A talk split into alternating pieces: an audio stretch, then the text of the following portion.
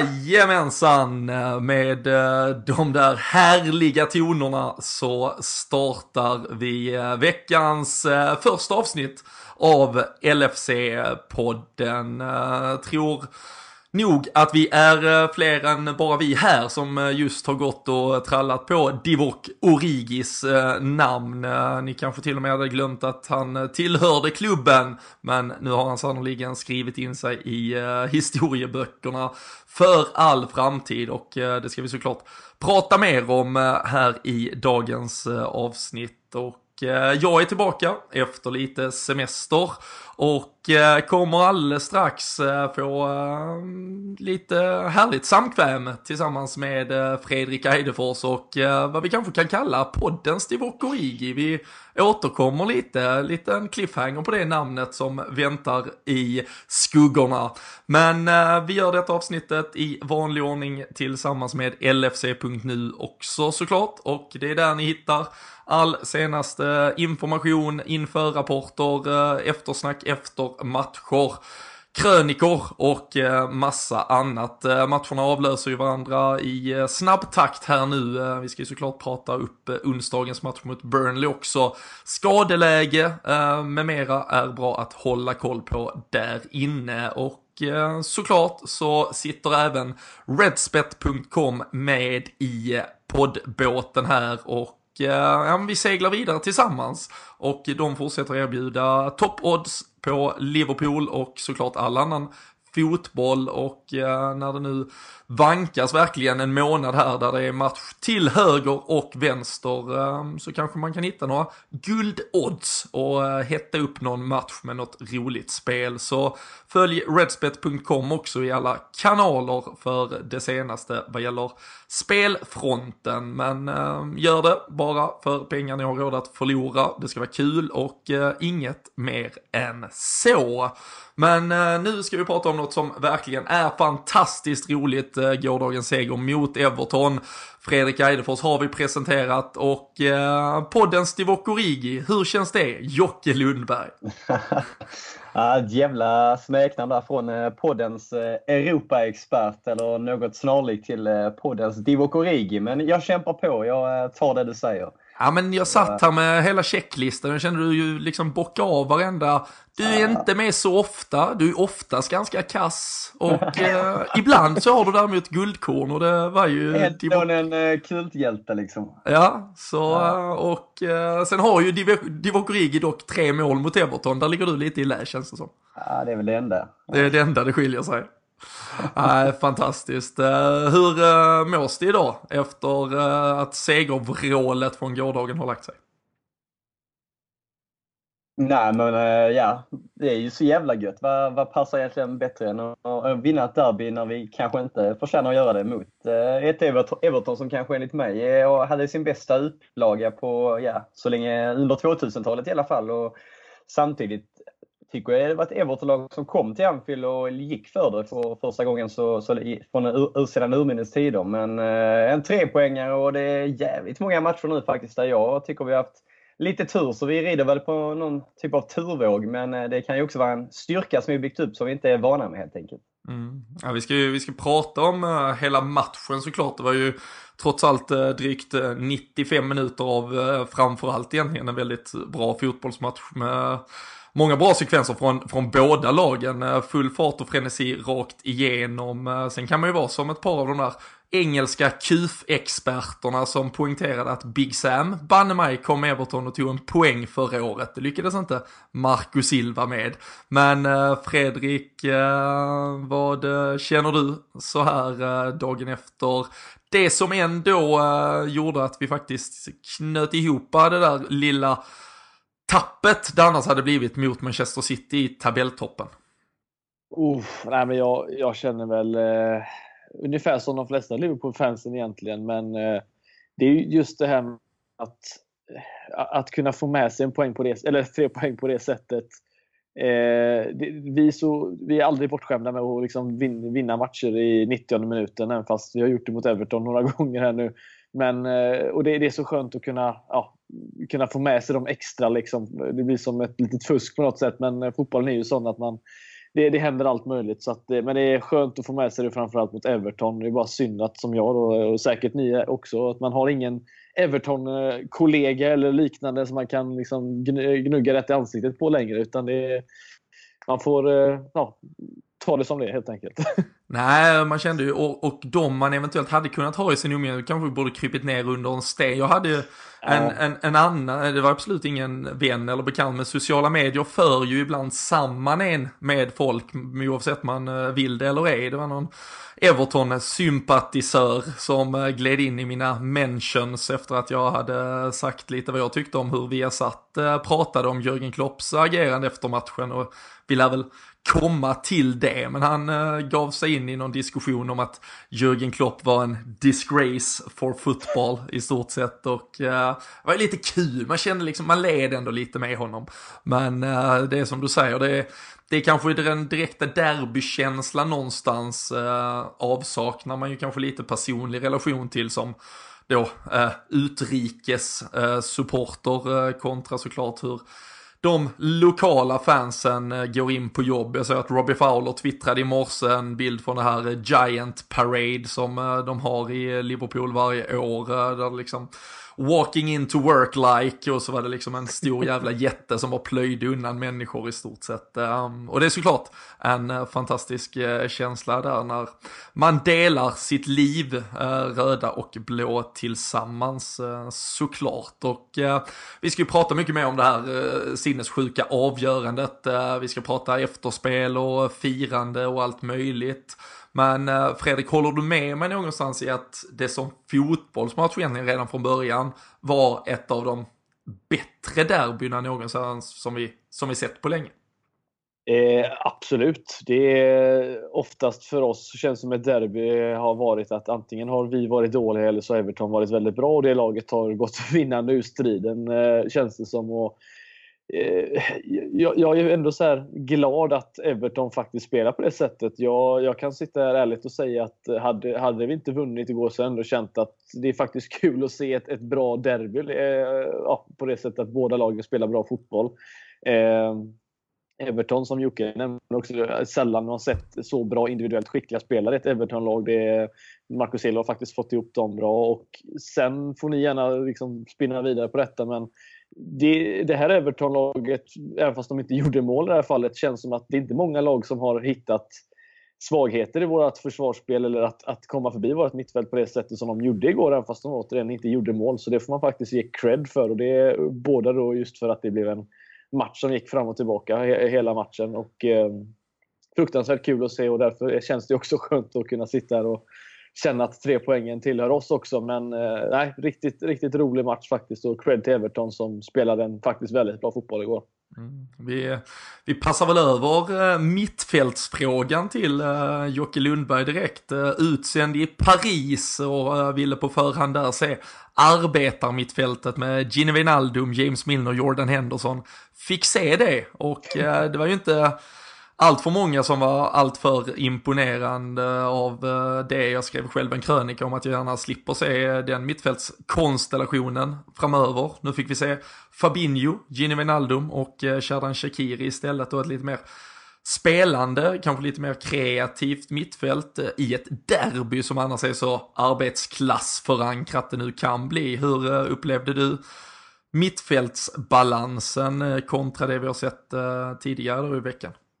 Ja, men jag, jag svänger ju rätt mycket eh, som vanligt och var väl eh, någonstans inne när jag och Danne Forsell snackade ut matchen på, på det här mittfältet. Och, eh, gör ju det bra. Jag eh, kan väl sticka ut hakan och säga att eh, jag inte är helt eh, hundra på Fabinho än. Men det är fortfarande tidiga dagar. Men igår gör han ja, sin bästa match och behöver ju bara fortsätta få matcher under bältet. Men det är väl framförallt när bytena kommer i, där, från 60 och framåt som jag tycker vi kanske öppnar upp Everton lite mer, eh, i alla fall på kontringarna med lite kvickare spelare. Men eh, bra mittfältsmatch. Eh, känner väl lite att Wijnaldum kanske är lite trött, spelat mycket, någon typ av formdipp. Men i övrigt är jag nöjd med Fabinho och Keita. Ja, jag tycker framförallt att de, jag tycker vi inleder väl, alltså de första 20 minuterna är ju exceptionellt bra tycker jag. Sadio Mané är ju fantastisk offensiv, eh, vi vinner tillbaka i stort sett eh, varje andra boll på mittfältet. Eh, får igång snabba anfall hela tiden, hotar i djupled, kommer in bakom backlinjen väldigt mycket.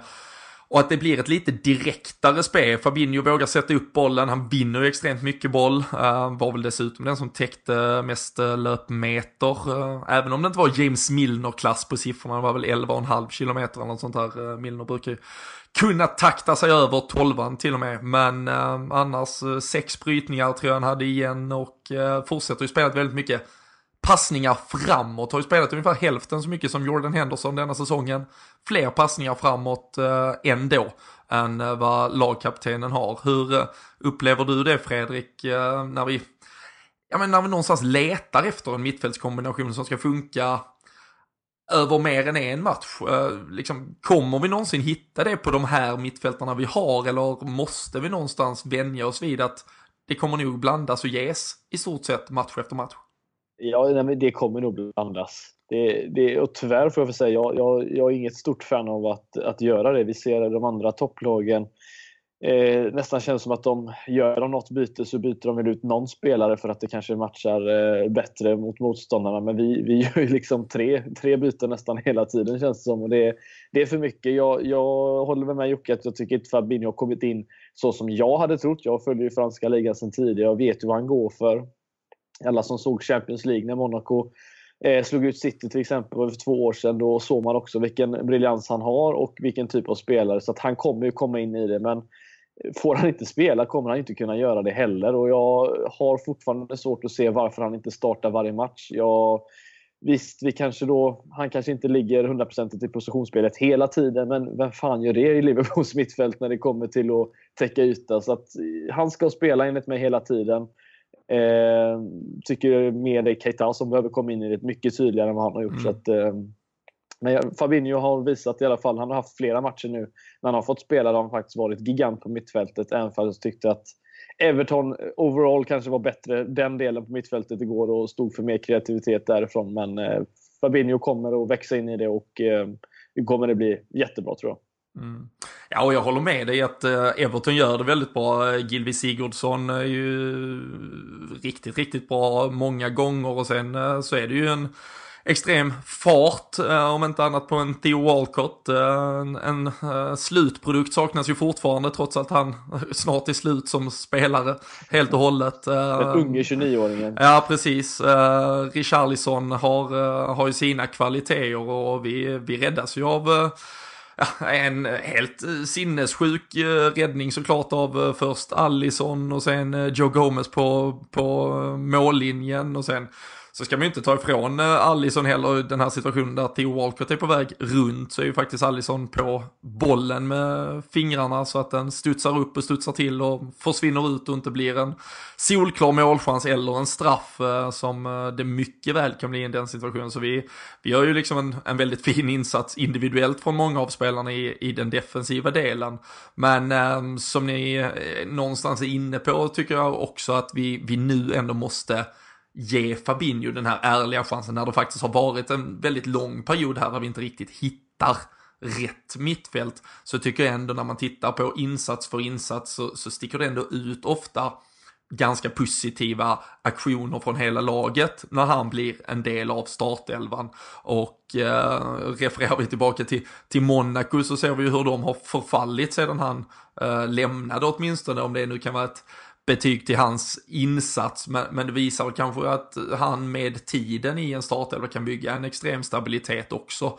Och i tillägg till en backlinje som växer för varje vecka, nu var vi ju tillbaka i det som vi väl konstaterar är och bör vara den ordinarie backlinjen och en Allison som bara går från klarhet till klarhet och uh, nu är ensam i toppen i både insläppta mål, antal nollor och så vidare. Så, så um, tycker jag att där är ett defensivt liksom, fundament vi, vi måste våga tro på och bygga vidare på. Och sen lämnar det två mittfältsplatser där jag tycker att Gini Wijnaldum fortsätter eh, banka ner liksom en eh, stor jävla pelare eh, för att cementera sin plats där och sen eh, så kan man då kanske växla den där tredje beroende på vilken typ av match man vill spela. Shadan Shakiri får absolut plats i många hemmamatcher, många bortamatcher där vi ska föra spelet.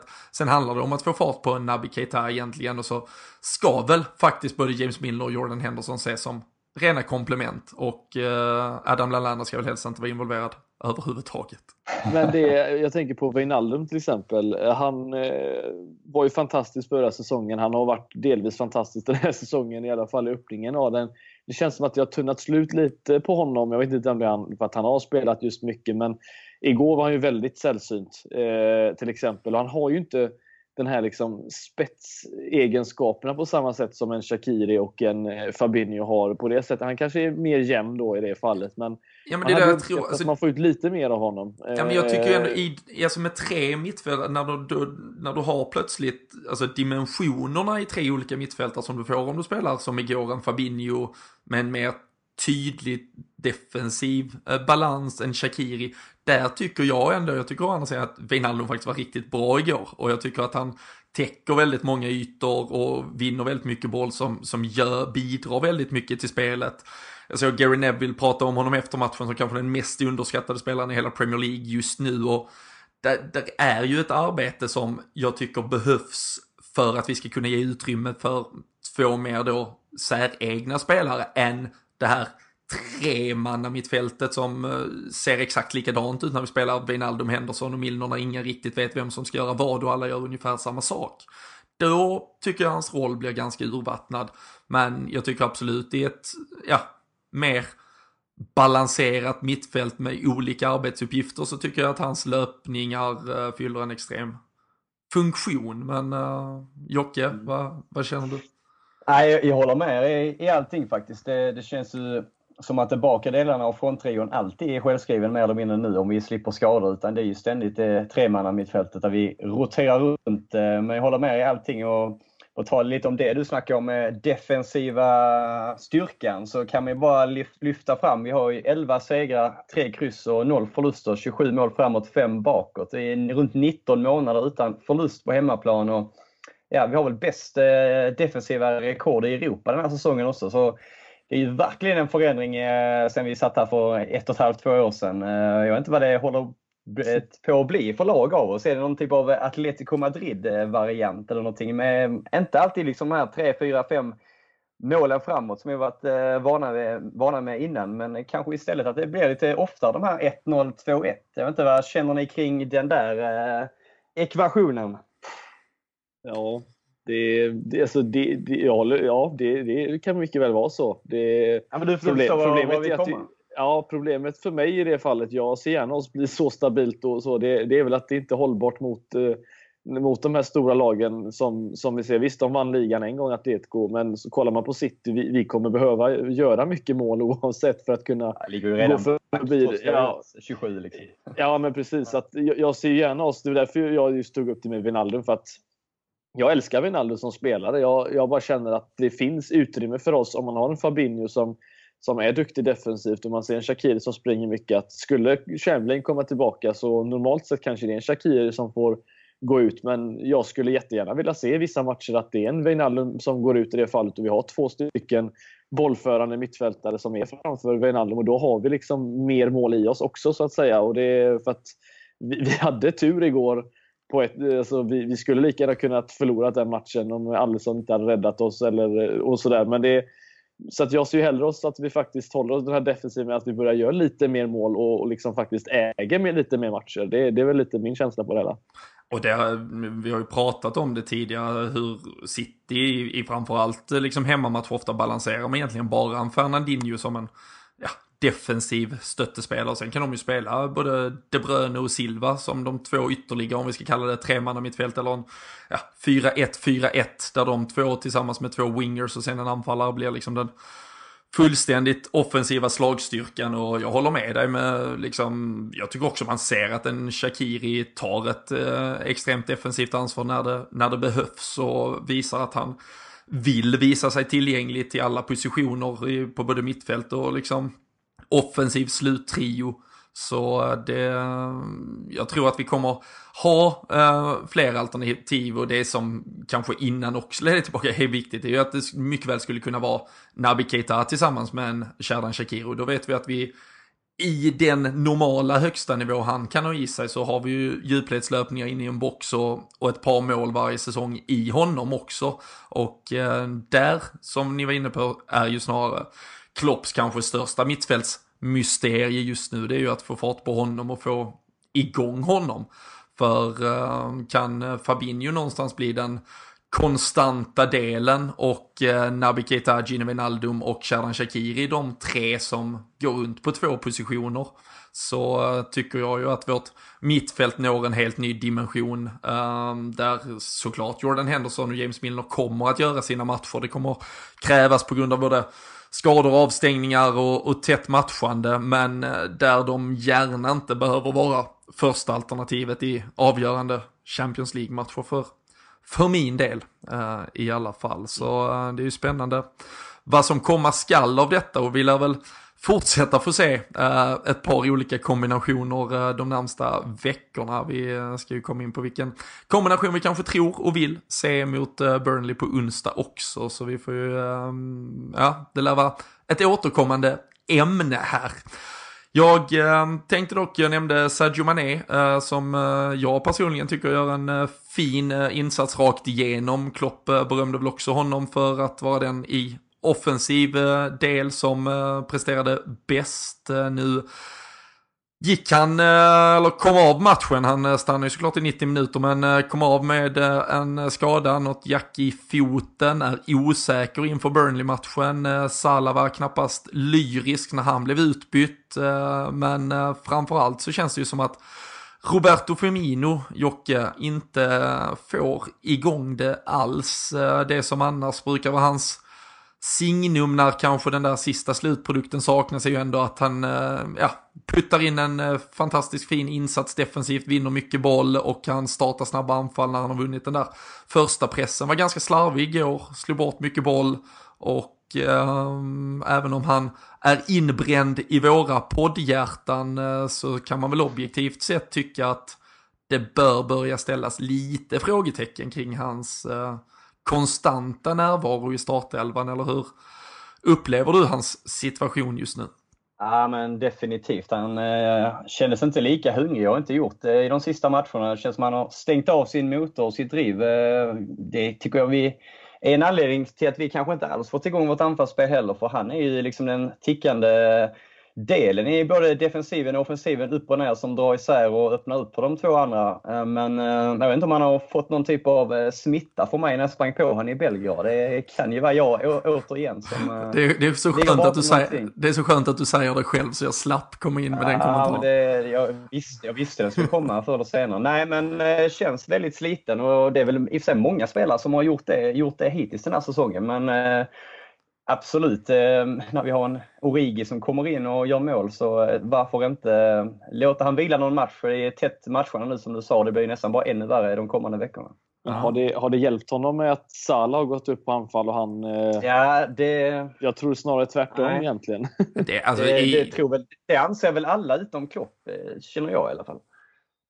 Ja men det är ju inte, om man säger krasst sett till Firminus liksom eh, någonstans eh, slutprodukt så, så, har det absolut inte varit positivt. Sen kan man ju bara eh, egentligen spekulera och mm, tro och gissa om det har gjort eh, det bättre eller sämre för laget. Eh, det har ju sannoliken även med den här formationsförändringen varit eh, ett haltande spel och vi har ju egentligen inte imponerat alls de senaste veckorna kan jag tycka. Eh, men eh, det kanske hade gått ännu sämre om vi hade kört på i gamla hjulspår liksom. Så någonstans har ju ändå resultaten, bortsett eh, från de här bortamatcherna i Champions League, fallit ut väldigt väl och där är det ju väldigt svårt att, att klaga på något. Men man känner väl absolut att det är ett par offensiva individuella insatser som fortfarande har väldigt många steg upp till högsta nivån och sen kan man ju då återigen snurra det eh, hjulet ett par varv och eh, tänka om det är positivt eller negativt att så i fallet. Det kanske är jättebra att vi har det sparkapitalet, men det är ju också, vi ser en eh, Harry Kane, nu gjorde han visserligen mål i helgen, men eh, han har inte kommit igång. Vi har sett många VM-spelare, Firmino visserligen spelad sparsamt, men vi vet nog inte alls hur mycket en sån pers ändå tar på spelare och eh, kanske mycket väl liksom, ja, hade behövt en, en annan typ av försäsong och så vidare för att spela det spelet han spelar.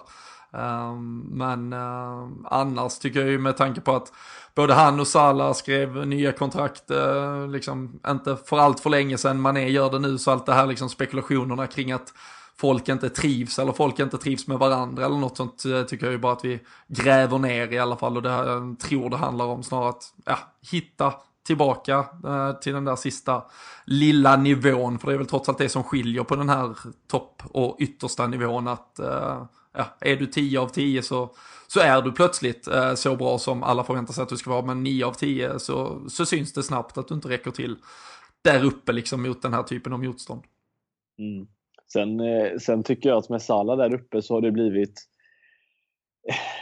jag, jag, känner att det känns som att vi har tagit, det har blivit lite som en genväg för oss för att skapa chanser också. Att ha honom där fram, att kunna slå långa bollar, alltså chansbollar. Det har blivit lite för mycket enligt mig. Den möjligheten att ja, men han är snabb, han hinner säkert upp det. Men eh, jag tycker att det, det, det tappar liksom hela grejen. Men förra året var det så himla fantastiskt att se en Firmino där uppe för att han var så himla underbar på att antingen ta emot bollen eller skarva den vidare. Och så kom man ner och Salah eh, liksom från kanterna och, och, och, gick inåt i banan. Och på så sätt hade vi två spelare som hela tiden kunde, kunde springa i djupet. Och nu känns det som att han blir lite vilsen där bakom för att vi spelar inte upp bollen på honom lika mycket heller som, som man hade önskat. Utan det blir mycket chansbollar och då, då, då försvinner ju den länken däremellan som han är tänkt att vara också. Så att det, det finns mycket som jag tycker man förlorar men Samtidigt så vinner man ju någonting på det. Salah har ju som sagt gjort några mål nu på sistone så att det har väl gett någon typ av effekt antar jag. Mm. Du och jag äh, satt jag för ett par veckor sedan och spelade in ett Podmi special där vi äh, satte äh, liksom äh, tog oss, tog på oss kikarna, eller varsin kikare i alla fall, och mm. spana lite framåt inför ett kommande januarifönster. Nu har vi såklart en, en, en lång, om vi tar spelmässig månad här i december. Väldigt mycket kan hända, men eh, skulle resultaten falla väl ut så, så är vi ju förhoppningsvis ändå med i någon form av titelrace. kan man ju säga vad man vill då om Manchester Citys på förhand och på pappret eh, ansedda styrka kontra våran också där. Om, om det liksom inte riktigt har, har lossnat för Firmino där, är det, blir det någonstans en prio att kanske få in ett offensivt eh, tillskott som kan ja men helt enkelt uh, av, uh, ja, skapa lite rotation och förändringar uh, i det som har blivit liksom en, ja men allt för, alltså vi refererar ju till det som fronttrion, det kanske behövs mm. vara ett annat djup och möjlighetsskapande. Ja, alltså får man tro på den eh, poddgästen Oliver Bond så är det ju inte förrän nästa sommar vi kommer lägga stor kraft på en anfalls, eh, anfallssigning om man ska tro på honom. Så att till, till, till nu i januari tror jag inte att det kommer hända allt för mycket. Vi, jag satt ju och spekulerade om att jag gärna vill få in någon liksom, en, en, en, flexibel spelare som kan spela på all, alla tre positioner där framme till exempel. Och, eh, eller har, snett Har du någon på rak arm då undrar jag, du som är vår scout? Nej men alltså det perfekta var ju tyvärr så att det, det var ju Fekir som hade mm. varit det absolut perfekta alternativet. Det är svårt att komma undan där faktiskt. Och det är, och det, det, ska mycket till innan man hittar en spelare som, som kan gå i januari. Eh, dessutom, många av de fina spelarna som vi pratar om då, om man tar till exempel Depay eller, eller Fekir, de, de kommer ju troligtvis inte att lämna i januari. Jag menar, det, Lyon går ju säkert vidare i, i Champions League och de kommer visserligen inte vinna ligan, men ja, nej, det blir nog svårt att hitta något, eh, något där faktiskt. Även fast vi satt och pratade om att de flesta spelarna har, som vi har köpt som har varit bra har visserligen kommit i januari de senaste åren. Men Nej, jag har svårt att se att det kommer ske stora förändringar i alla fall i januari. Är det hämta hem eh, Harry Wilson som eh, gäller från Derby? Varför inte? Ah, nej, Jag, tror inte det är, jag tror inte det är uppskattat. Jag tror det är dumt att göra det också för en sån spelare som gärna avsluta säsongen på ett fint sätt som han håller på att göra nu i alla fall. Mm. Så vi hade fått en uh, fråga uh, på Twitter om vi kunde uh, kanske titta lite närmare på våra utlånade spelare. Det ska vi absolut se till att göra vid något kommande tillfälle. Det är bara så extremt mycket matcher och annat aktuellt här och nu så vi hinner kanske inte gå så djupt i det men vi kan ju konstatera att Harry Wilson återigen dundrade in en eh, rejäl slägga för eh, sitt Derby där han är utlånad och eh, ja, men sannoliken njuter av sin fotboll. Har eh, haft en väldigt fin säsong så här långt och eh, vi pratade om honom i somras. Det var väl lite delade meningar men vi var några som absolut var inne på att han hade kunnat vara ett alternativ för truppen trots allt redan och de där långskotten i alla fall hade man ju gärna tagit del av för där där öser vi inte på Jocke, det lyser med sin frånvaro sen Coutinho försvann egentligen. Ja men precis. Det är både frisparkar och distansskott och han har ju faktiskt redan fått en sång i, i Derby. Så uh, nej, han är helt klart populär. Hur går den? Ja, jag kan inte den. Ja, jag hade gärna jag, jag, brukar du hade sten, jag brukar ha stenkoll på sånt här. Jag kommer inte riktigt ihåg. Det var någonting med att han gör mål ja, från alla vinklar ungefär och det gör han ju också. Eh, han eh, har ju varit uppe på tapeten ganska länge. Kom ju fram och gjorde tidig landslagsdebut i Wales. Han var bara 16 år eller någonting. Så det har ju länge varit en talang, men han har tagit stora, stora kliv eh, framförallt sista året och sin tidigare utlåning också. Men vi, var, vi snackade lite löst om det här innan, eh, Eidefors med skott utanför boxen och det är något som vi verkligen har saknat sen, sen Coutinho lämnade. Och det, jag sa väl mer eller mindre, jag tror inte jag sett ett skott utanför boxen sen, sen han eh, lämnade bortsett från eh, ja, Oxlade Chamberlains två träffar förra säsongen. Men eh, ja, vi hittade väl inga andra när vi gick igenom eh, arkivet så fort vi kunde. Ah, ja. Jag kan sakna med det framförallt i all eh, fotbollen överlag. Det känns ju som det har raderats helt med ett, med ett Gerard-skott eller någonting från en 20-25 meter. Det är Dejan Lovren. sakna. Ah, ja. vi, såg ju, vi såg ju hur det gick när van Dijk försökte sig på att dra till den. Liksom. Assisten. Ja. ja. Nej, vi, eh, vi ska väl närma oss eh, det där eh, avgörandet kanske. Men något annat Fredrik som du tar med dig från, från matchen som, som sin helhet. Vi har varit inne på en, en bra match, välspelad. Den, den gav oss som sagt e-, ytterligare då ett mittfältsalternativ att ta i beaktning för framtiden. och det det, det skaver kanske fortfarande lite offensivt. några andra bitar som hade varit samtalsämnen om vi nu inte ska gå till det där som ändå blev ett avgörande istället? Åh oh, herregud, alltså det finns så, så mycket. Jag, jag, jag tycker väl att Klopp, eh, en sak jag satt och kollade på Tottenham, eh, eller Arsenal och Tottenham innan och tänkte på lite det här med effektivitet av byten till exempel. Och visst, du fick han igenom det med, med Origi där, men jag sitter och funderar och det har varit kul att höra lite era tankar om det också. Vad, vad Klopp skulle kunna göra annorlunda. Eller liksom, vad, vad, det känns inte som att han har de här essen i rockärmen riktigt. Så, så om man drar då en, en parallell här med Arsenal som ligger under och eh, Emery tar in en Lacazette och en Ramsey och jag nämnde Gini Velander förut. Vi får en mittfältspelare som kommer in i boxen. Så ska hitta, om Klopp kan hitta någon annan typ av oh, Ja, för, samtid alltså, för samtidigt där så tycker jag, visst, nu kunde han ju slänga in Lacazette, men det är ju för att han är utvecklingsstörd och spelar med Alex Iwobi från start. Alltså det är ju som om vi skulle starta Origi och släppa in Salah liksom. Alltså det hade ju, ja, sett, ja. Det hade ju sett fantastiskt ut. Alltså det är ju, det är, det är så uselt tycker jag av honom att, att ställa den. Men laget förändrades, alltså det blev en, det blev en effekt av det hela. Det jo men absolut, men det, det, det, gör du om du byter ut sämre spelare mot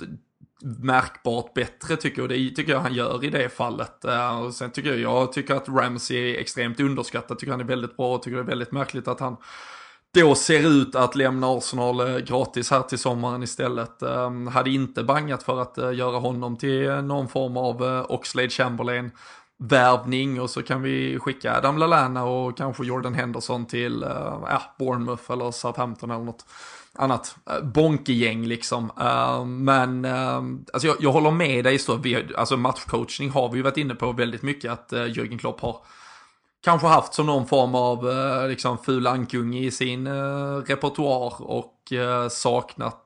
Sen är det ju svårt att sitta och prata om det just idag. Där jag tycker ja. dels gör han ganska tidiga byten i förhållande till vad han brukar.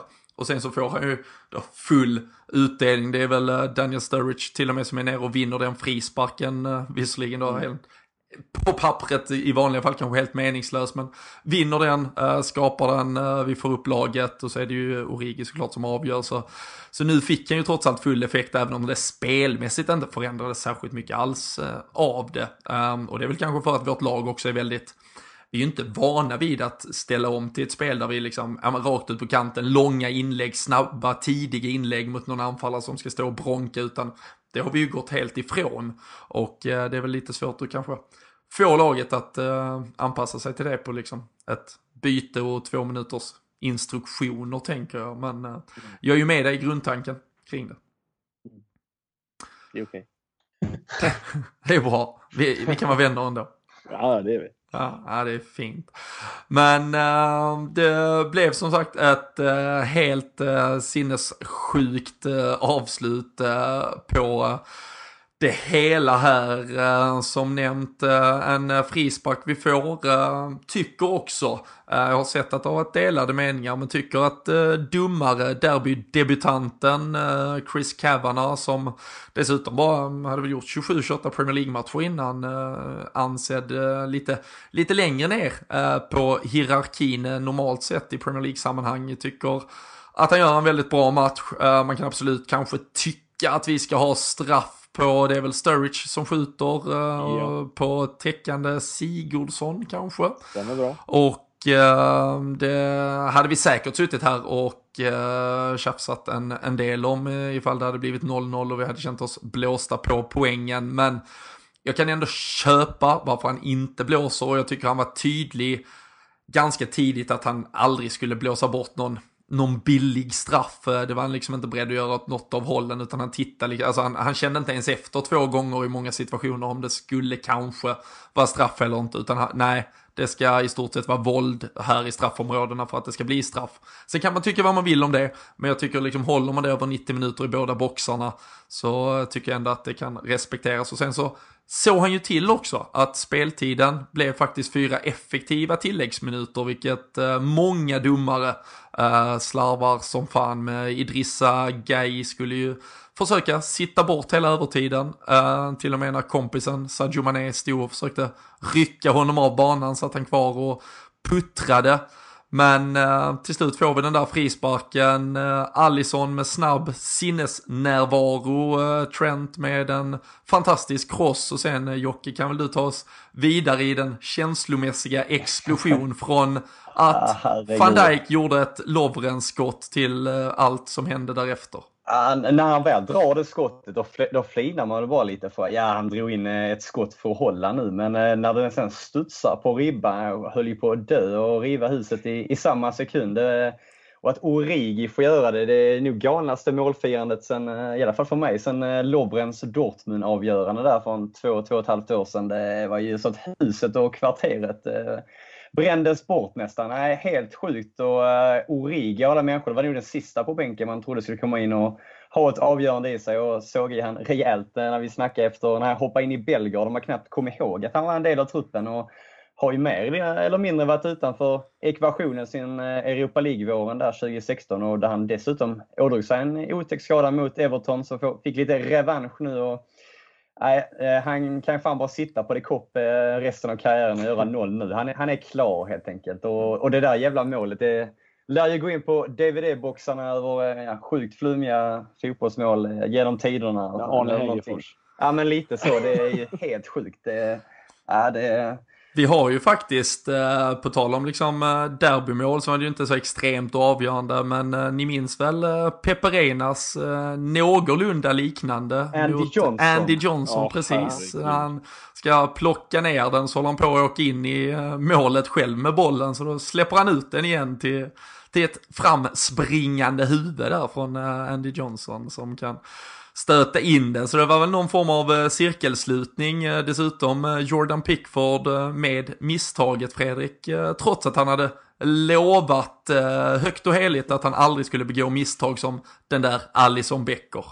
Ja, nej men innan, jag måste bara, vi måste bara klargöra en grej här nu. Att visst, det var backspin på den här bollen, eh, men den där hade studsat långt bak på ribban. Så den ja, men den var ju det. Alltså, han, han plockade ju upp den från nätet ja, jag menar det. Alltså, jag, jag såg, eh, jag, de pratade, jag, det är så många jag har suttit och, och läst och kollat eh, eftersnack och grejer. Och det är så, ja men han drar in den. Ja det gör han, men den hade inte med, med backspinnen studsat in. Så det är tack vare hans händer som den går tillbaka. Och jag, jag vet inte riktigt heller vad han, för, vad han försöker, men eh, det är bara att tacka och ta emot. Och, alltså, i, den, I det läget också. Jag, jag förstår liksom inte... Ja, det, då är det ändå vi som sitter på den vinnande sidan. Men jag kan inte tänka mig, alltså, vad hade man själv gjort om, en, om Alisson hade gjort det där? Liksom? Eller, jag vet inte. uppleva det i Champions League. ja, jag skulle precis. Men, men vad fan, det är... Ja. Nej, men alltså det är ju, alltså jag visst, liksom, det är ju, det är ju, det är ju ett, liksom, på, på, många sätt ett helt episkt eh, mål ur både positiv och negativ och all möjlig aspekt i det hela. Men, eh, men alltså det bestående blir ju det helt bisarra att det, det är Divock Origi, eh, det är 96 minuten, det är Everton, det är framför de Kopp. Fan, jag hade varit på semester här 10-11 dagar och kom hem och hela grannskapet kan jag lova vet att man är tillbaka eh, efter att eh, han tryckte in eh, bolljäveln och man hinner ju liksom någonstans i all eufori så börjar man tänka det måste ju varit offside, något måste vara fel, alltså något, det kan ju inte stämma egentligen men sen bara ser man att ja, men de firar fortfarande, de firar lite, ja, de firar fanta mig ett mål och sen ser man ju till och med en Jürgen Klopp som uh, går fullständigt uh, bananas och uh, en Pep Linders som nästan har en värre jävla blick i, alltså han, där gick topplock och allt möjligt Jocke. Alltså, har vi sett en galnare liten holländare någon gång? Nej, det, det, vi får nog leta länge efter det. Jag reagerar också på det faktiskt. Det var ju verkligen lite halvt riktat mot Everton bänken också uh, var eld i ögonen och nej, det vilka scener. Det är fortfarande att man sitter och spelar upp det här klippet med Titanic-musiken i bakgrunden och bara ler. Man kan, man kan inte släppa det. det är, fan alltså. Ja, det är väl det enda som hade toppat det där. Det är ju om eh, Jonas Olsson hade kommit in och glidtacklat Klopp, Fredrik ah, det, det, är ju en annan diskussion. Ja, men att man inte ska få fira en sån Ja, men det, det, där gjorde mig nästan mer eh, galen i soffan. Eh, direkt efter man har puls på 250 000 och har svalt en snus och nästan trillat ihop så hör man det där direkt efter. Det, Nej, jag eh, blir kokande. Alltså, jag fattar inte. Fan, sätta själv in i situationen. Det, det, det finns ju inte. Det, det är känslor ett derby där Klopp har varit lite, fått lite kritik, eh, i alla fall de senaste veckorna, från media och överlag att nu måste de göra det och vinna det. Och det är en match där kanske inte allt stämmer och det har varit så ett tag från och till och det betyder så jävla mycket att jaga ett City som hade varit fem poäng före annars väl. Mm. Samt då även ökat för, försprång mot eh, Arsenal och United. Så det är klart man bara tappar det. Det är ju helt sjukt. Eh, ja, det är ju osannolikt mål för det första. Och, man har haft en match där man kanske inte har varit bättre laget och varit illa ute några gånger. Så det är klart att det bara släpper. Men eh, nej, jag kan inte förstå det. Bara sätta själv in i situationen om eh, ja, Djurgården hade avgjort ett derby mot AIK och plockat någon jävla ja, nu, nu, nu, nu, sätter du dig in i en helt omöjlig situation. Det, det eftersom, gör jag gärna. Eftersom Jonas Olsson aldrig har varit med om att vinna ett derby med Djurgården. Nej, men för fan, det, vad fan, inte en enda normal eh, människa som följer eller spelar ett lag kan ju fan kontrollera sig när det är liksom ett halvtjuvigt mål i 96 mot eh, lokalrivalen. Ja, alltså det är ju inte så att det är en Mourinho-hyschande, eh, ja, firande kaxigt mot Everton på det sättet eller en Adebayor som springer runt halva planen. Det har ju varit värre grejer. Det här är liksom ett firande med sitt lag. Det är inte så att han springer bort mot eh, Everton-klacken och bara slidar över gräsmattan. Det finns ju liksom... Även om, även om det hade varit så jävla nice om han hade gjort det. Ja, jag hade ju älskat det ännu mer. Men eh, nej, men vad fan. Nej. Det är klart man inte kan... Ja, du fattar. Ja. Man blir helt galen. Nej, men alltså jag, jag, jag var så chockad själv för jag liksom... Man, hade ju landat i den här euforin, jag höll på att kasta, kasta sonen rakt upp i taket och allt möjligt. Liksom det, var, det var verkligen scener eh, som eh, man brukar kalla det och sen försökte landa eh, någonstans i, i, i allt det där. Och, och, så liksom eh, ser egentligen bara i så här ögonvrån att studion har hunnit gå igång och så har, har varit igång ett tag men jag känner de pratar liksom inte om vad fan är det de pratar om egentligen? Jag var tvungen att spola tillbaka och liksom börja bara, alltså för då, jag var så, jag var så chockad att det ens blev diskussion, Sen vilka åsikter de framför blir ju, gör det hela än mer sinnessjukt. Men att, men att första taken på ett derby som avgörs i 96 minuten på det bisarra sättet avgörs. Så börjar man diskutera, ah, var det tillräckligt okej okay firande eller inte? Alltså det, det är för mig så, alltså från, alltså så här, äh, helt jävla snett på det. Och sen då, att en Martin Åslund som satt och tyckte att det var helt okej att Sebastian Larsson ställde sig och skrek horungar till Malmö FFs bänk var liksom, ja ah, men det, de, man får fira hur man vill, liksom så funkar fotbollen liksom. Jag hade inte gjort det men man får fira hur man vill. Och sen Jonas Olsson som liksom gärna tar stryptag på spelare och spelar halvdöd till höger och vänster och tycker att liksom, ja ah, men vad fan, det här måste bort från fotbollen, det hör inte, alltså, äh, det, äh, det blev så, det blev, ja, det var helt surrealistiskt att se faktiskt och man märkte ju att någorlunda ändå en stor enighet kring eh, sociala medier eh, väl tyckte och alla som kunde liksom släppa någonstans klubbkepsen och, och tänka på fotboll och gå till sig själv hoppas jag och tror tycker att eh, fotboll såklart ska, ska ha den här liksom passionen i sig. Eh, vår eh, kära poddkompis eh, Bojan Djordjic eh, hörde själv av sig, eh, så han hade varit i, han var med i målklubben som han gör varje vecka tillsammans med Claes Andersson eh, och eh, han hade väl sett att jag hade skrivit något syrligt till Viasat eh, snubbarna där i studion och han hörde av sig att eh, det, är inte alla på Viasat som tycker sådär i alla fall med liksom en, en glad smiley och så refererar han då till eh, dagens klipp där, där han sitter och pratar om att liksom man måste låta passionen få plats i fotbollen. Han pratar om liksom om han kan coacha i division 6 och liksom vilja springa in på planen och fira ett mål och jag tror går man till sig själv och liksom den där ögonblicksstunden när saker och ting händer då, då är man ju där. Alltså som sagt, eh, ja, eh, allt om det så är svälja en snus eller kasta en, en unge upp i taket så, så, så, gör man okontrollerade saker den där sekunden kring ett sånt mål.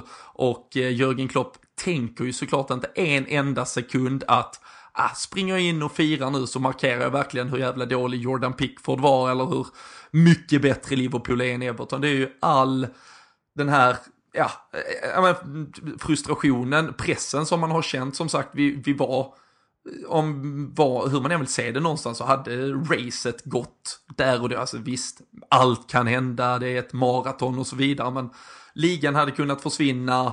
Eh, vi hade någonstans fått ännu en liten sån här, ja, liten nål i oss att, ja men det vill sig inte riktigt just nu. Vi har haft ett par veckor där liksom spelet inte har klickat. Nu istället så fick vi liksom, vi kom över den tröskeln, vi fick poängen, vi fick det förlösande målet, vi fick det här jublet med oss. Liksom, jag tror hela upplevelsen från Anfield kommer spelarna ha i ryggen i ett par veckor framåt. Det kommer ge Anfield blodad tand, det är United, det är framförallt Napoli hemma som är nästa liksom match på Anfield, har det med sig in i ryggen. Alltså det, det var så mycket känslor och det är så sinnessjukt att man ens klagar. Sen är det ju helt rätt av Klopp att efteråt, ja, fem minuter senare, han har fått andas, han har fått svälja ner det, rannsaka sig själv liksom.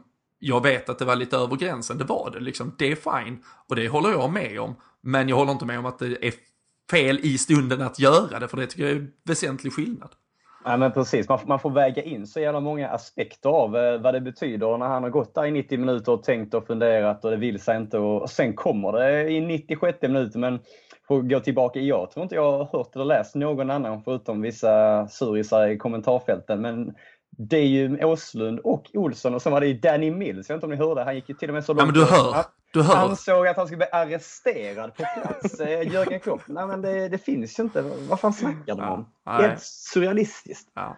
Vi ska säga att uh, FA har uh, så att säga uh, ja, anmäld, ja, men han har då dropped charges uh, against him. Jävla, jävla kluriga översättningar här ja. på det FAs fackspråk. Men Klopp har då ett eh, par dagar på sig här att eh, besvara den här eh, ja, den anklagelse han har mot sig. Paul Joyce som normalt är väldigt initierad och insatt i sakerna påstår och tror då att Klopp kommer ju bara att acceptera helt enkelt att han får den här tillrättavisningen och det som är mest troligt är att det då blir någon form av böter och någon form av ska vi kalla det ett villkorligt straff att eh, sker det igen? Så kommer det troligtvis eh, rendera någon form av avstängning. Eh, det, han har ju inte varit avstängd tidigare, eh, inte ur eh, ligaspel, jag tror inte han har varit eh, på läktaren alls, även om man nog kan tycka att han har levt på gränsen ett par gånger, eh, men det är av andra anledningar när han står och kanske är lite för brysk mot fjärdedomar och så vidare. Men han har ju inte varit i FAs protokoll på det sättet eh, så han lär klara sig undan och så får han sansa sig själv lite, även om eh, jag gärna ser han firar likadant om jag avgör i 96 mot United här om, om två veckor. Så det, är väl, äh, ja, vi konstaterar väl bara att äh, det här hör hemma i fotbollen och att det snarare ger ett äh, mervärde än att det är något Martin Åslund och Jonas Olsson ska försöka sparka ner och strypa bort och helt enkelt bara njuta av det. och faktumet som sagt att det gav tre poäng för de var ju ytterst viktiga. För håller du med i det här att det någonstans hade börjat kännas kört redan eh, ifall vi inte hade fått in de där tre poängen. Ja, alltså. Ja, det, det är tyvärr så att man måste ligga med två, poängs, två, två poäng bakom City hela tiden för att då åker de på en förlust och man kan gå förbi för målskillnad. kommer vi aldrig slå dem på så att man måste alltid ligga dem hack i häl hela tiden. Jag har svårt att se att de ens, eh, frågan är ens de kommer förlora den här säsongen. Det kommer i så fall vara mot ett topplag möjligtvis eh, ytterligare, men det är, de ser ruggigt starka ut fortfarande. Så att vi, ja, nej, vi måste ligga på dem hela tiden och därför blir onsdagsmatchen nu här ännu viktigare på något sätt för att eh, vi kommer säkert komma in på det här nu med eh, lite skador och, och, ja, vad vi har för förutsättningar helt enkelt. Mm. Ja, men jag tycker vi, eh, du tar oss så väl dit så, så låt oss fortsätta och, och blicka just mot onsdagen. Eh, det är som sagt eh, Burnley som väntar på bortaplan och eh, sen har vi ju Bournemouth till helgen borta och sen har vi Napoli på tisdag redan så nu sitter vi här måndag kväll men inom loppet av bara åtta dagar ska vi spela tre matcher helt enkelt eller när det väl är dags där sex, sex dagar, tre matcher från och med nu då. Eh, men eh, det kommer ju kräva sina förändringar troligtvis i startelvan och Klopp flaggar ju för en Sadio Mané som eventuellt inte kommer kunna komma till spel och eh, någonstans även om vi saknar 3-0, 4-0 och allt vad det har hetat så känner jag ju någonstans att nu handlar det om att grinda ut två tuffa bortasegrar här Jocke denna veckan och då är det kanske du som ska öppna upp för ditt arbetarmittfält igen. Ah, nej, fy fan. Nej, men vi kan ju även lyfta fram eh, Robertson ska ju fått någon typ av smäll mm. i derbyt också. Jag kikade faktiskt lite på det innan. Han har bara vilat en match på ja, 25 tror jag fick det till. Och det var ju mot, mot Cardiff eh, när Moreno gick in. Samt lirat ja, i princip alla landskamper för Skottland. Så det kan ju vara läge att han eh, får en vila här också. Nu inte ska vi köra laguppställningar och vad vi tror direkt så jag har ju den jag är ganska säker på. Ja men det är bara att uh, putsa upp spåkulan och ja, leverera. för, för en gångs skull ska jag sätta någonting här på spiken. Så Allison är ju givetvis självklar i mål. Sen har vi Trent, eh, Gomez, van Dijk och Moreno. Sen kör jag ett mittfält med Fabinho, Keita, Henderson och längst fram kör Shakiri, Origi och Salah. Jag vilar alltså Firmino som har haft det lite halvknackigt. Eh, vilar Vinaldum som verkar lite ur form och även då eh, tar det säkra för det osäkra med Robertson och Mané. Så vi kör Shakiri, Origo Salah längst fram. Shakiri Origi. Ja, men det... Och Salah. Jo, jag säger vad ni vill om det. det jag har en känsla. Ja. Det brukar ju stämma när jag har det. Eller ja, men det är bra. Nu har du haft uh, fingrarna nere ja. i... Uh, är, det, är det inte någonting ni köper med Fabinho, Kita, Henderson? Är det bara för jag tror det blir Henderson tillbaka från avstängning nu och det är bara en känsla att han får starta igen. Uh, ja. Sen kan jag tycka, var, var, varför inte ge Origi chansen? Jag menar, jag säger, såg jag han för två veckor sedan, men bygg vidare på det här. Grabben har självförtroende. Han går ju på 20 000 moln upp i luften och matcherna duggar tätt. Det är viktiga bortamatcher som ni säger nu, men det är nästa vecka kanske ännu viktigare för vi ska avsluta vårsäsongen. Det är ju potentiellt slutspel i Champions League och kanske såga bort United ännu mer som nu. Dessutom har Arsenal eh, i veckan här när vi möter eh, Burnley. Så eh, ja, vad känner ni själva? Oh. Ja, jag kan väl säga så här att jag, om vi bara håller oss till Origi-delen där för att Visst, han har som sagt, det är inte mycket spel den här säsongen för honom.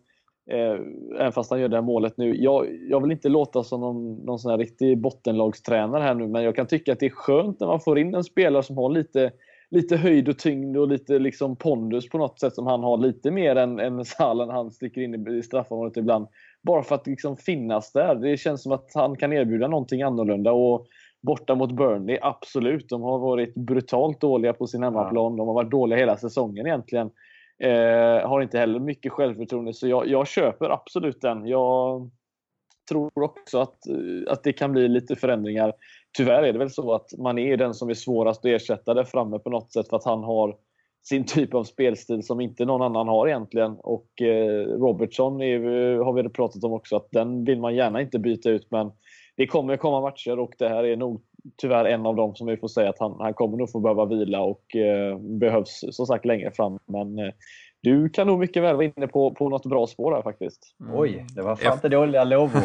ja, men efter ditt arbetarmittfält så hade man nästan velat höra dig säga Origi Solanki, ett riktigt arbetar... Han har man nästan glömt bort. Om man ja. hade glömt bort Origi har man nästan glömt bort Solanki. Ja, men du gjorde du målkalas för U21-landslaget ja, Jag känner bara om vi ska återkoppla till en Sturridge som gick in och fick chansen där mot PSG hemma, gör mål och fått några chanser till, kommer in mot Chelsea borta, startar i Belgrad, har inte tagit chanserna riktigt riktigt efter det. Kom in igår också, men när då en Origi kommer in och tar chansen, varför inte bygga vidare på det? Jag säger inte att det är någon långsiktig lösning eller att jag anser att han ens ska vara nära en 11, men varför inte när vi måste rotera och har lite halvknackigt i, i, i anfallsspelet med både någon halvskada och ja, ur formspelare. Så varför inte? Ja, jag eh, tror, eh, jag tror du är inne på ungefär Någorlunda rätt namn och jag tror du är inne på att ja. Eh, det absolut blir eh, tre, fyra förändringar i veckan eh, för att sen även göra någon förändring mot Bournemouth och liksom ha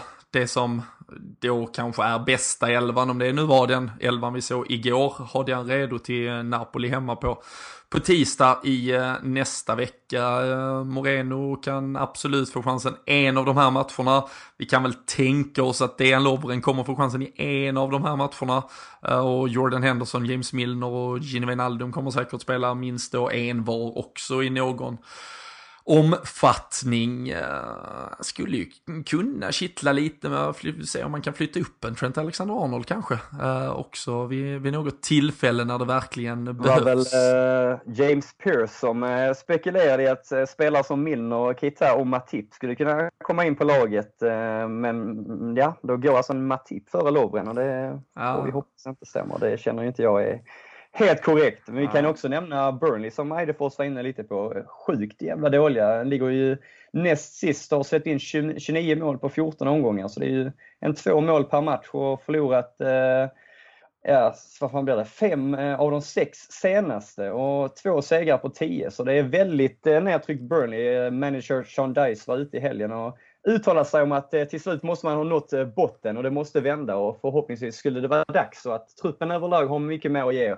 Så vi får hoppas det inte vänder här och botten är nådd efter helgens 2-0-förlust mot Crystal Palace. Vi eh, måste bara hit och plocka poäng. Tro, trodde du skulle säga att Sean Dice var ute i helgen och söp ner sig. det, det var han säkert också. Det är han säkert också. Har han en egen pub? Jo, jo, jo. Han har lokala puben där jävla koll man har på vissa sjuka grejer. Ja, nej, men, uh, ja, men då är det fan upplagt för Origi och Solanki att göra varsitt mål. Då. Vi, vi kan ju även lyfta, kommer ni ihåg eh, fjolårets match? Ragnar Klavan. Exakt, och vilken minut var det? Var det 93 kanske? Ja, typ. Så vi är inne på något sånt här sent avgörande. Så fan, det kanske är dags igen. Men du, du är Mané i mål också, så nu är inte någon av dem med säkert. Då, då får någon annan steppa upp. Ja. Nej men verkligen, vi uh, fortsätter spekulera nu alla uh, lyssnare här och kommer era tips och funderingar på hur en startelva hade kunnat se ut. Uh, vi ska väl också passa på att gratulera alla tröjvinnare vi har haft här eh, senaste tiden. Vi var ju lite extra glada igår så vi eh, skickade iväg en, en extra tröja också. Det var ju jämnt skägg eh, i Paris-matchen bland annat och sen fick vi lotta fram en vinnare igår också. Det har varit resultat som har suttit hårt inne. Men ehm, du har ju uppenbarligen stulit orakelmanteln från Danne efter ert äventyr i Paris Jocke. Så tipset inför eh, Burnley, hur eh, lyder det? Eh, 1-0 eh, Divock Origi. Ja, fantastiskt. Det är stående nu. Håller vi fram till, håller vi ett par veckor. Vi klarar oss på 1-0 mot Napoli nu dessutom också, mm. så det kanske blir där han, han fullbordar någon form av fullständig legendstatus. Fredrik, tror du att vi kan i alla fall takta på med de där två insläppta som Burnley ska ha, eller får vi det tuffare än så? Ja, 2-1 tror jag i alla fall. Utan Ragnar Klavan på plan? Jajamän. Jag tror ja. tyvärr vi släpper in ett mål faktiskt den här gången. Det är så. Kan, kan Burnley göra mål? De kan göra det. De, däremot så är de ju som sagt sämre på att släppa in, men de är om man kollar siffermässigt så har de faktiskt bara släppt in eh, sex mål mindre, eller mer än Manchester United den här säsongen. Så det, det, det, det, är också det, det är väl inte många. Eh, Mark Hughes fick sparken för att spela 2-2 hemma mot dem, så det säger ja, lite om eh, deras new, new low eh, de ja. är inne på. Um, ska väl också, har vi ju glömt, Virgil van Dijk blev utsedd till månadens spelare i Premier League också i november. Uh, får vi avsluta med en snabb gratulation uh, och uh, skicka lite kärlek till honom. jag själv säger 2-0 mot Bournemouth, eller Burnley. Bournemouth vågar jag inte säga om än, vi tar en sak i taget. Så uh, segerraddan uh, håller i sig i alla fall och vi fortsätter hålla tätt. Vi kan ju uh, också uh, meddela om, om folk har missat det att matchen inte går på TV så vi kanske kan leta ut några fulstreams och lägga ut i Twitterflödet se om vi kan jobba lite på det. Ja, det blir lite fullstream och klassiska ta bort reklamkasino och, och dylikt. det blir back to, eh, vad fan kollar man sist på en stream? Det händer väl i och för sig någon gång per säsong nu med det här nya TV-sättet att bara visa en match per eh, avsparkstid så att säga. Men man, vi ska se om eh, vi kan jobba fram lite streams. Vi får hjälpas åt allihopa. Ja, man kan annars göra som jag har gjort de senaste tio dagarna, åka till Kuba. För där kan man fan inte få reda på någonting kan jag säga. Där uh, satt man i radioskugga. Jag hade ju dig på sms-rapportering mot Watford bland annat. Uh, det gjorde jag fan bra du. Det gjorde du fantastiskt bra. Lite otydlig ibland. Uh, man ja, trodde att det... Henderson gjorde mål när han blev utvisad. Och Nej, lite det annat. trodde man inte. Det måste varit en och annan grogg för mycket ja. Kan, kan ha varit Rommen som läste de där smsen. Men nej, så ni får såklart själva också vara med och tippa vad ni tror att det blir mot Burnley in och följ oss på Twitter och eh, delta där. Och eh, som sagt, eh, Eh, vi försöker dela med oss av lite eh, länkar, eh, tipsa och skicka in själv var ni kommer se matchen på onsdag så ser vi till att sprida det så gott vi bara kan. Nu önskar vi er en skön start på veckan och så hörs vi snart igen.